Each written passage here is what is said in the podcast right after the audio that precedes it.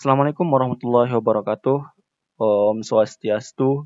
Salam, salam sejahtera, nama budaya, salam kebajikan. Uh, balik lagi di podcast Ngaji Islam Kontemporer. Di episode kali ini kita akan bahas tentang liberalisme, liberalisme Islam. Uh, sekarang saya sudah bersama Ustadz Badul Jihad. Beliau ini adalah Ketua Labora Center buat yang belum tahu Al Abrar Center merupakan apa namanya lembaga otonom di perwakilan Nusantara Mesir. Nah, eh, gimana kabarnya Bang Badr? Alhamdulillah sehat Lik. Gimana kabar Malik?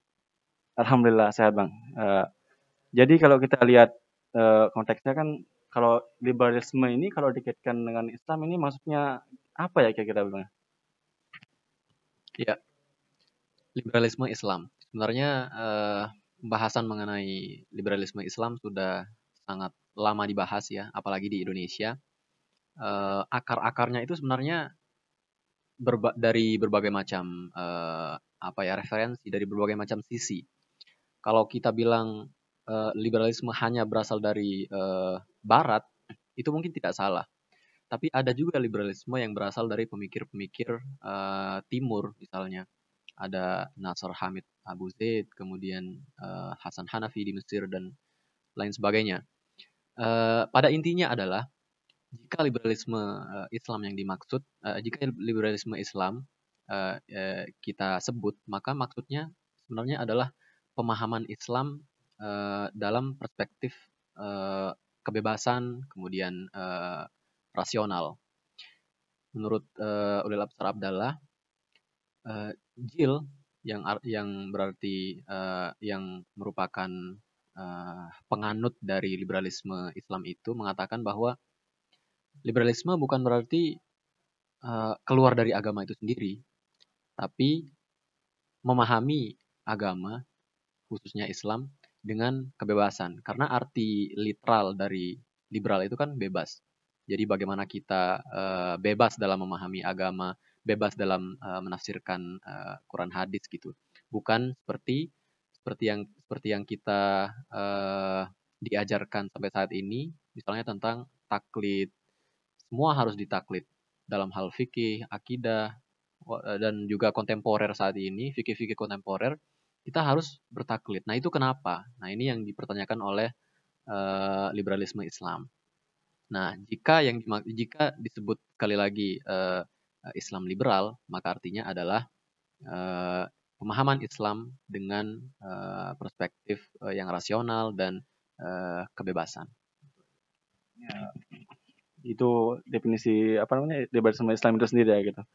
Nah, jadi kita tahu bahwa uh, liberalisme ternyata bukan hanya kalau kita katakan produk Barat, tidak tidak betul juga ya bang ya. Ternyata dalam pengaruhnya uh, di Timur juga liberalisme juga cukup berkembang pesat, terutama liberalisme Islam ya gitu. Uh, mengenai stereotip tentang Islam liberal itu sendiri, menurut pandangan Sida gimana ya Bang? Ya, stereotipe tentang uh, liberalisme Islam ini sebenarnya uh, sangat buruk ya kalau di masyarakat kita di Indonesia.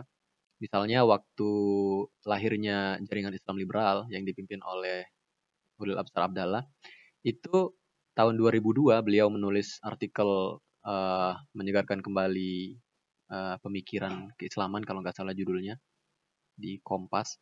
Itu yang mengkritik dia itu hampir hampir kebanyakan umat Islam. Bahkan bahkan ada beberapa ulama yang mengatakan diri uh, perwakilan semua ulama Indonesia. Itu mengutuk sekali Absar Abdallah dan mengeluarkan fatwa mati. Boleh dibunuh karena karena eh, tulisan-tulisan Ulil Absar Abdallah pendiri JIL itu.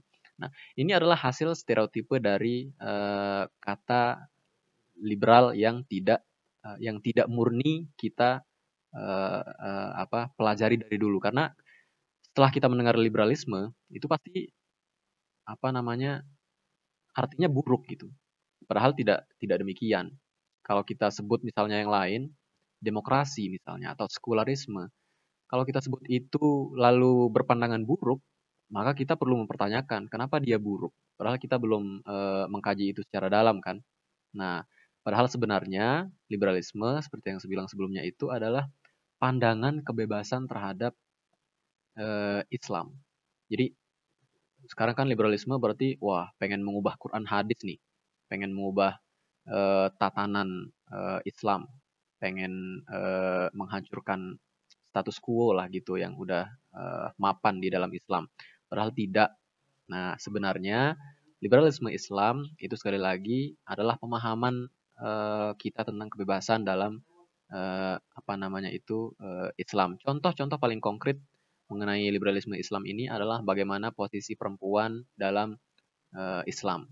Nah, dalam pandangan uh, klasik kita bisa menemukan bahwa uh, perempuan itu selalu berada di bawah laki-laki di, di tempat nomor dua. Poligami boleh empat, apa uh, poli poli and, poli poliandri ya. Kalau kalau kalau laki-laki nggak boleh me, kalau laki-laki boleh mengumpulkan empat, kalau perempuan nggak boleh mengumpulkan empat uh, istri. Uh, kalau laki-laki boleh mengumpulkan empat istri, kalau perempuan nggak boleh mengumpulkan empat laki-laki. Nah, ada lagi perempuan harus berhijab, perempuan harus bla bla bla bla, harus dikurung di rumah. Nah, menurut liberalisme Islam, uh, kita harus mengkaji lagi uh, apa doktrin-doktrin seperti itu. Nah, apakah memang benar Al-Quran menyuruh menyuruh perempuan itu harus diam di rumah? Apakah benar juga Islam menyuruh uh, perempuan mengenakan hijab dan cadar. Padahal itu adalah hasil budaya dari abad pertengahan, hasil budaya dari ulama-ulama yang bu bukan representasi total dari Islam itu sendiri. Jadi kita harus bedakan antara Islam itu sendiri dan pemikiran keislaman di abad pertengahan itu. Nah, jadi fikih-fikih, kemudian ajaran-ajaran yang lain yang misoginis di di abad pertengahan itu yang di ulama ulama-ulama itu ada beberapa tapi kita menghormati ya ulama-ulama itu bukan berarti oh, mereka wajib salah gitu enggak tapi mengkritisi lebih tepatnya nah jadi Islam itu itu yang perlu kita kaji ulang bukan bukan eh, bukan membuang Islam itu sendiri tapi mengkaji ulang apakah memang yang dikaji oleh ulama-ulama pada abad pertengahan itu eh, wajib benar 100% ataukah ada yang eh, tidak sesuai dengan hak asasi manusia atau uh, dan sejenisnya yang perlu kita uh, perbaiki pada saat ini. Ya, itu aja. Kalau jadi yang saya bisa tangkap bahwa uh, pandangan Islam liberalisme, Islam liberal itu sebenarnya berupaya untuk apa istilahnya uh, membuat beragama dengan istilah tekstual namun dengan aplikasi yang tekstual gitu ya bang ya. Ya. ya, ya. Uh, tentu kalau kita lihat apa namanya sejarah bagaimana liberalisme Islam ini masuk ke agama Islam sendiri, liberalisme masuk dalam agama Islam sendiri, Indonesia paradigmanya yang agak unik, yang membedakan kita dengan di Timur Tengah kan uh, apa namanya uh, umat Islam itu terorganisir dalam sebuah ormas-ormas yang cukup besar gitu seperti ada NU, Muhammadiyah, kemudian di Lombok kita ada Peloton, ada Persis di Bandung perasaan kemudian ada Al-Wasliyah dan lain-lain. Sebenarnya bagaimana pandangan dia melihat bagaimana liberalisme ini sebenarnya masuk dalam ormas-ormas yang tadi itu? Ya, penting sekali untuk membahas uh, liberalisme dalam ormas-ormas karena kebanyakan ormas di Indonesia itu yang saya tahu ya, yang disebut-sebut uh, sama Malik tadi itu, mereka adalah uh, yang menganut paham-paham uh, tanda kutip tradisionalis tradisional, paham-paham tradisional harus uh, taklid kepada ulama ini, misalnya di Nahdlatul Ulama dan Nahdlatul Watan itu kan uh, apa namanya harus bertaklid kepada Imam Asy'ari dalam akidah dan empat fikih dalam eh empat imam dalam fikih atau di Nahdlatul Watan Imam Syafi'i dalam fikih. Nah, tidak boleh disentuh apa pun doktrin-doktrin itu nggak boleh dikaji ulang lah gitu. Nah, menariknya di dunia Nahdlatul Wat, eh, Nahdlatul Ulama pada akhir uh, apa namanya abad ke-20 dan awal abad 21 itu ada istilah yang dikemukakan oleh para peneliti sebagai post traditionalism. Post traditionalism itu adalah kan kan NU dan NW ini misalnya adalah tradisionalis kan, kelompok tradisionalis. Nah, di dalam kelompok tradisionalis itu ada kelompok yang menamakan diri sebagai post tradisionalis. Jadi, mereka ini adalah mereka yang ingin melampaui tradisionalitas itu gitu. Nah, misalnya tradisionalis kita harus uh, tidak boleh menyentuh tema-tema yang sensitif. Perempuan harus berhijab, nggak boleh yang nggak boleh nggak. Kemudian uh, akidah harus begini, fikih harus begini. Tapi kalau post tradisionalis itu menganggap bahwa oh tentang perempuan kita harus mengkaji ulang. Apa sebenarnya dalil-dalil pengharaman perempuan untuk berpolitik misalnya? Nah, itu yang dikaji ulang. Mengenai eh, LGBT misalnya. Kenapa mereka harus dihujat, harus dihukum? Padahal LGBT itu bukanlah sesuatu yang bukan penyakit kan? Itu adalah suatu kalau kita bisa bilang uh, di Islam itu ada fitrah atau tidak fitrah. Mungkin LGBT itu bukan fitrah menurut Islam, tapi itu normal. Tanda kutip, mohon maaf. Tanda kutip normal Yuval Noah Harari pun mengatakan uh, gay itu dia kan gay si Yuval Noah Harari itu. Dia mengatakan gay itu normal karena segala yang mungkin di dunia ini itu normal. Nah, jadi harus dibedakan normal dan uh, fitrah. Jadi walaupun gay itu atau LGBT itu uh, normal dalam tanda kutip, tapi uh, tidak fitrah. Nah, karena dia normal, walaupun tidak fitrah, kita harus tetap menghargai uh, orang-orang LGBT itu. Ini sebagai contoh aja sih eh, tema-tema seperti uh, LGBT ini.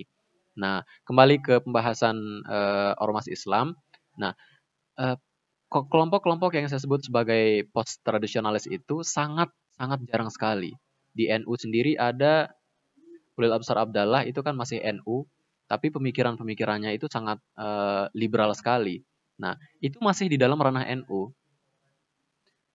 itu dalam itu masih berada di dalam uh, ranah NU. Nah ini yang masih kurang di ormas-ormas uh, uh, yang yang lain.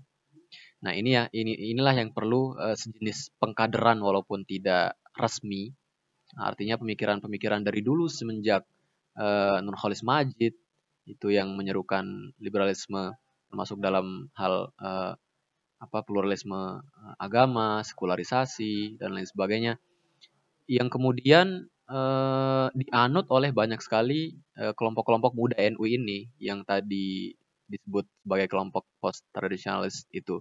Nah, ini yang perlu sebenarnya dibangkitkan lagi agar agar eh, semangat untuk mengkaji dan mengkritik eh, Islam. Mengkritik bukan berarti ini ya menghilangkan Islam tapi mengkaji ulang Islam itu biar biar kritik ini semakin semakin maju. Biar kita tidak buta mengimani sesuatu yang kita tidak tahu gitu ya kan? Ya. Luar biasa penjelasannya bang uh, kalau yang kalau saya ingat juga kalau tidak salah itu isu-isu yang termasuk populer di kalangan Islam liberal itu kayak nikah beda agama gitu ya, ya. ya. itu kan kalau kita tahu ternyata juga kalau dalam konteks Indonesia kayak Prof Musdah Mulia itu saya rasa juga ada sisi positifnya juga sih mengusungkan nikah beda agama. Kalau kita lihat juga sejarahnya kan e, nikah beda agama ternyata ada perhilapan juga dalam kalangan ulama bukan hanya ponisnya agama sama agama Islam saja gitu.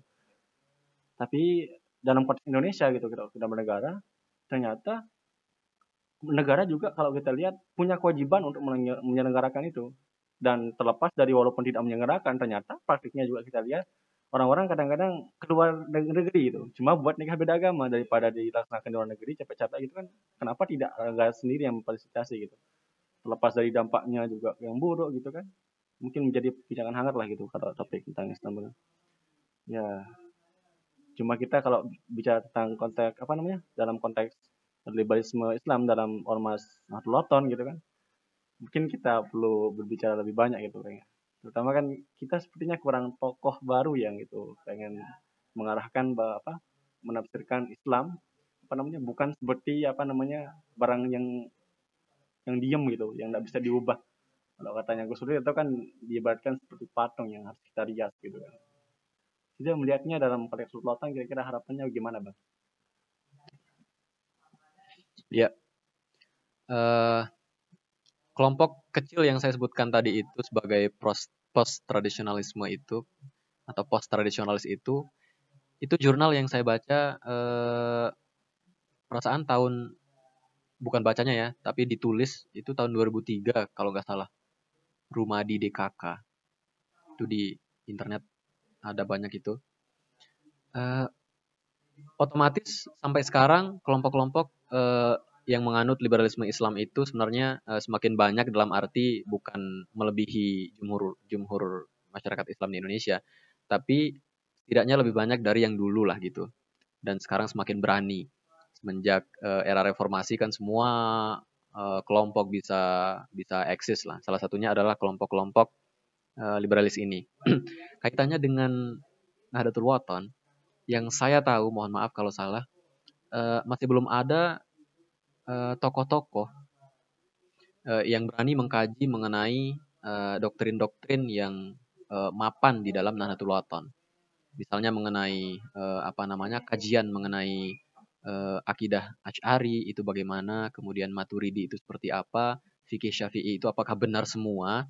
Kalau misalnya fikih Syafi'i mengatakan uh, wali apa namanya itu perempuan wajib dinikahkan, boleh di apa nama boleh dipaksa, apakah kita harus mengikuti pendapat itu 100%? Nah, itu yang maksudnya uh, setidaknya kalau kita tidak setuju harus dikaji dulu baru baru baru kita tidak setuju. Nah, Eh, selain karena selain karena apa namanya kita belum pernah mengkaji itu sama sekali, juga karena uh, yang tadi itu bertentangan dengan apa yang kita sebut sekarang sebagai hak perempuan. Jadi hak perempuan itu uh, sejak dulu udah dibahas di PBB, ada the Universal Declaration of uh, Human Rights, ada uh, International Conference berapa kali udah diadakan itu khusus mengenai hak asasi manusia dan khusus mengenai juga perempuan. Nah, tapi pengaplikasiannya itu masih belum uh, sempurna sampai sekarang. Bahkan sangat kecil sekali uh, aplikasinya itu. Nah, melihat uh, yang tadi itu, maka di Nahdlatul Ulama sendiri sepertinya perlu untuk uh, mengadakan buk atau istilahnya itu uh, mengkaji lagi walaupun bukan dari tokoh-tokoh struktural NW, tapi di luar itu mungkin bisa mengkaji uh, Nahdlatul Wathon uh, dalam kaitan mengenai isu-isu kontemporer seperti uh, bagaimana pendapatnya mengenai pandangannya mengenai uh, kesetaraan gender, kemudian isu feminisme dan lain sebagainya. Karena jangan sampai Nahdlatul Wathon ini hanya khusus kepada pembangunan madrasah. Mohon maaf tapi itu sangat baik sekali, sangat bagus sekali karena salah satu ranah pergerakan Nahdlatul Wathon kan uh, pendidikan dan dakwah.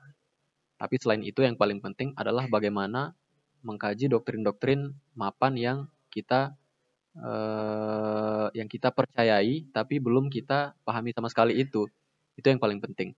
Nah, karena di NU sendiri sudah uh, berdiri misalnya JIL oleh uh, bukan di NU ya, tapi tokoh NU udah banyak tokoh-tokoh post tradisionalis yang tadi itu saya sebut udah banyak sekali itu ditulis sekali lagi tahun 2003 Nah, sekarang udah di 2020 eh, dan Nahdlatul Wathon masih belum ada sama sekali eh, pergerakan-pergerakan kecil apa pun. Mohon maaf tapi ini yang saya tahu ya mengenai eh, kajian-kajian mengenai isu-isu kontemporer. Mungkin ada sih tapi tidak terekspos mungkin ya.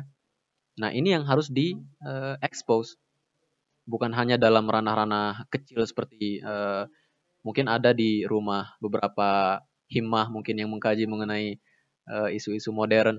Tapi dalam struktur NW sendiri masih belum berani kita untuk uh, mengangkat tangan dan mengkritik uh, doktrin mapan yang kita uh, makan selama ini gitu. Nah harapan saya sih ke depannya uh, walaupun apa pun hasilnya kajian itu nanti, tidaknya kita sudah mengkaji mengenai isu-isu uh, modern itu biar Nahdlatul Wathon nanti bukan hanya bergerak dalam bidang-bidang yang seperti uh, penting juga itu uh, dakwah dan pendidikan, tapi juga lebih penting lagi mengenai uh, keilmuan, uh, otokritik istilahnya, untuk mengkaji diri sendiri, uh, apa yang kurang dari diri sendiri ini, di kelompok ini, Nahdlatul Wathon ini, dan apa yang lebih gitu. Nah, kalau kalau kita udah tahu apa yang kurang, nanti kita bisa uh, memperbaiki apa doktrin-doktrin mohon maaf buruk mungkin kalau bisa kita bisa bilang yang kita percaya selama ini. Nah, itu sih. Ya, makasih Bang Modrol. Nah, saya juga ngelihatnya gini ya Bang Modrol ya, di North Lawton sendiri kayak doktrin-doktrin poligami itu sepertinya penyampaiannya kurang pas menurut saya ketika kemudian anjuran poligami seperti digaungkan tanpa ada penjelasan tentang bagaimana status poligami sebenarnya kan sebagai alternatif begitu. Itu sepertinya harus uh, kalau bisa ya enaknya kalau tuan alangkah enaknya gitu kalau tuan guru kita menyampaikan hal-hal yang sepertinya eh, ah apa namanya lebih komprehensif gitu. Tidak hanya melihat dari segi bagaimana poligami itu disahkan gitu kan. Nah, dan kemudian dari segi ontologi sendiri dalam hal liberalisme juga uh, kalau nggak salah Abdul Musid Ghazali itu uh, Kiai Musid Ghazali gitu itu sebenarnya sudah banyak menyinggung di artikel Islam liberal seperti ada artikelnya yang terbit tahun berapa ya itu dengan judul apa ya kalau nggak salah berharap pada peloton di sana juga beliau mengkritisi bagaimana sepertinya Tulotem pada masa itu ketika terbitnya artikel itu ternyata sampai masa terbitnya artikel itu masih seperti gaungnya kurang didengar gitu.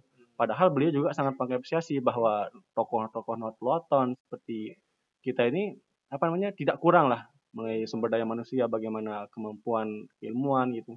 Cuma seperti gaungnya kurang didengar. Pada saat itu kan masih apa namanya bahwa masih hangat lah dibicarakan TS terhadap apa namanya jaringan Ahmad apa Ahmadiyah itu di Sumbawa. Ternyata kita pelautan seperti tidak merespon itu seperti mati tidak merespon hal-hal yang sepertinya kita harus bersuara loh gitu. Iya. Mungkin cuma itu aja sih ya. Oke mungkin teman-teman yang lain kita bakalan ketemu lagi lah di akhir segmen ya di sesi lain episode lain. Uh, makasih buat waktunya bang Badrul ya siap siap makasih juga Malik ya, ya ini sangat berharga sekali untuk kita ya. Semoga ke depannya dari apa namanya jaringan intelektual monoton yang ada di Indonesia maupun di diaspora yang ada di luar negeri gitu, ada ada ada merespon lah gitu. Mungkin ke depannya akan ada generasi monoton yang apa namanya mementingkan aspek keilmuan lah gitu. Biar kita tidak uh, cenderung tertinggal lah bahasanya ya. Oke, okay.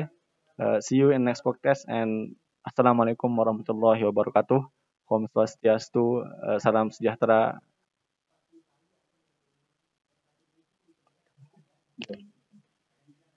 Aman. aman.